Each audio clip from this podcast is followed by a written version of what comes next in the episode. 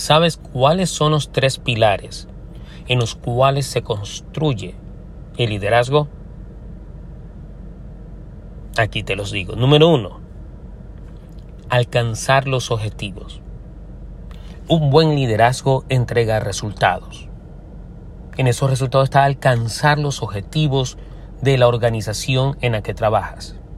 Un pilar fundamental para construir tu liderazgo es ese, alcanzar los objetivos, entregar resultados, una y otra y otra vez. El segundo pilar es formar y mantener un buen equipo de trabajo. Un buen líder se refleja en su equipo de trabajo. Un buen equipo de trabajo es el reflejo de un buen liderazgo.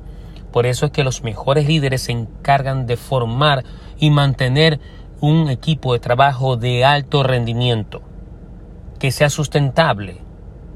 Y un líder sabe cómo retener a los mejores. Y número tres, un buen líder desarrolla a las personas dentro de su compañía.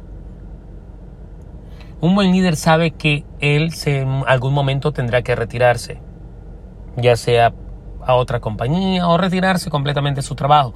Por eso es importante que se encargue de desarrollar a las personas que hay dentro de la compañía, a desarrollar esos nuevos líderes, los líderes de la próxima generación dentro de tu organización, sobre todo si quieres dejar un legado.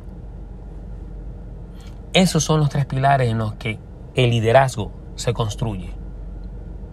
Alcanzar los objetivos, formar y mantener un gran equipo de trabajo y desarrollar a las personas dentro de la organización. Hasta la próxima.